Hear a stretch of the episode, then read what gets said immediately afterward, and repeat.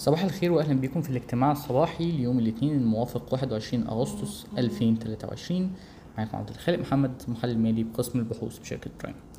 في الأخبار ال macro معانا النهارده إن رئاسة الوزراء أعطت الضوء الأخضر لوزارة المالية للتعاون مع ال IFC لإصدار سندات مدعمة بالجنيه المصري في الأسواق العالمية وده هيساعد ال International Finance Corporation إنها تستثمر أكتر في مصر وإنها كمان توفر للمؤسسات عملة بشكل أحسن.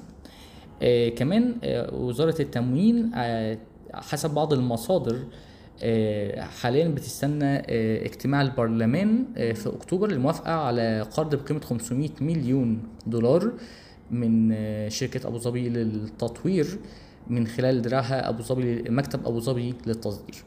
القرض ده هيتم استخدامه في شراء القمح من دولة الإمارات على شهر يناير.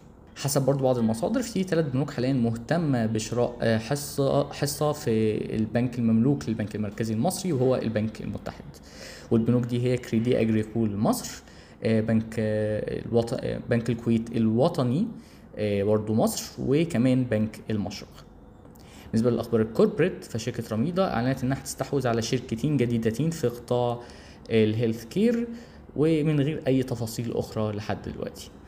والخبر الأهم النهارده في الأخبار ال corporate هو إن شركه المتحدة للتبغ ودي شركة تابعة لشركة فيليب موريس العالمية حاليا بتتفاوض مع الحكومة المصرية لشراء حصة أقلية في شركة الشرقية للدخان. النقاشات دي بتتم ما بين وزارة المالية والشركة القابضة. شكرا لاستماعكم للاجتماع الصباحي وصباح الخير.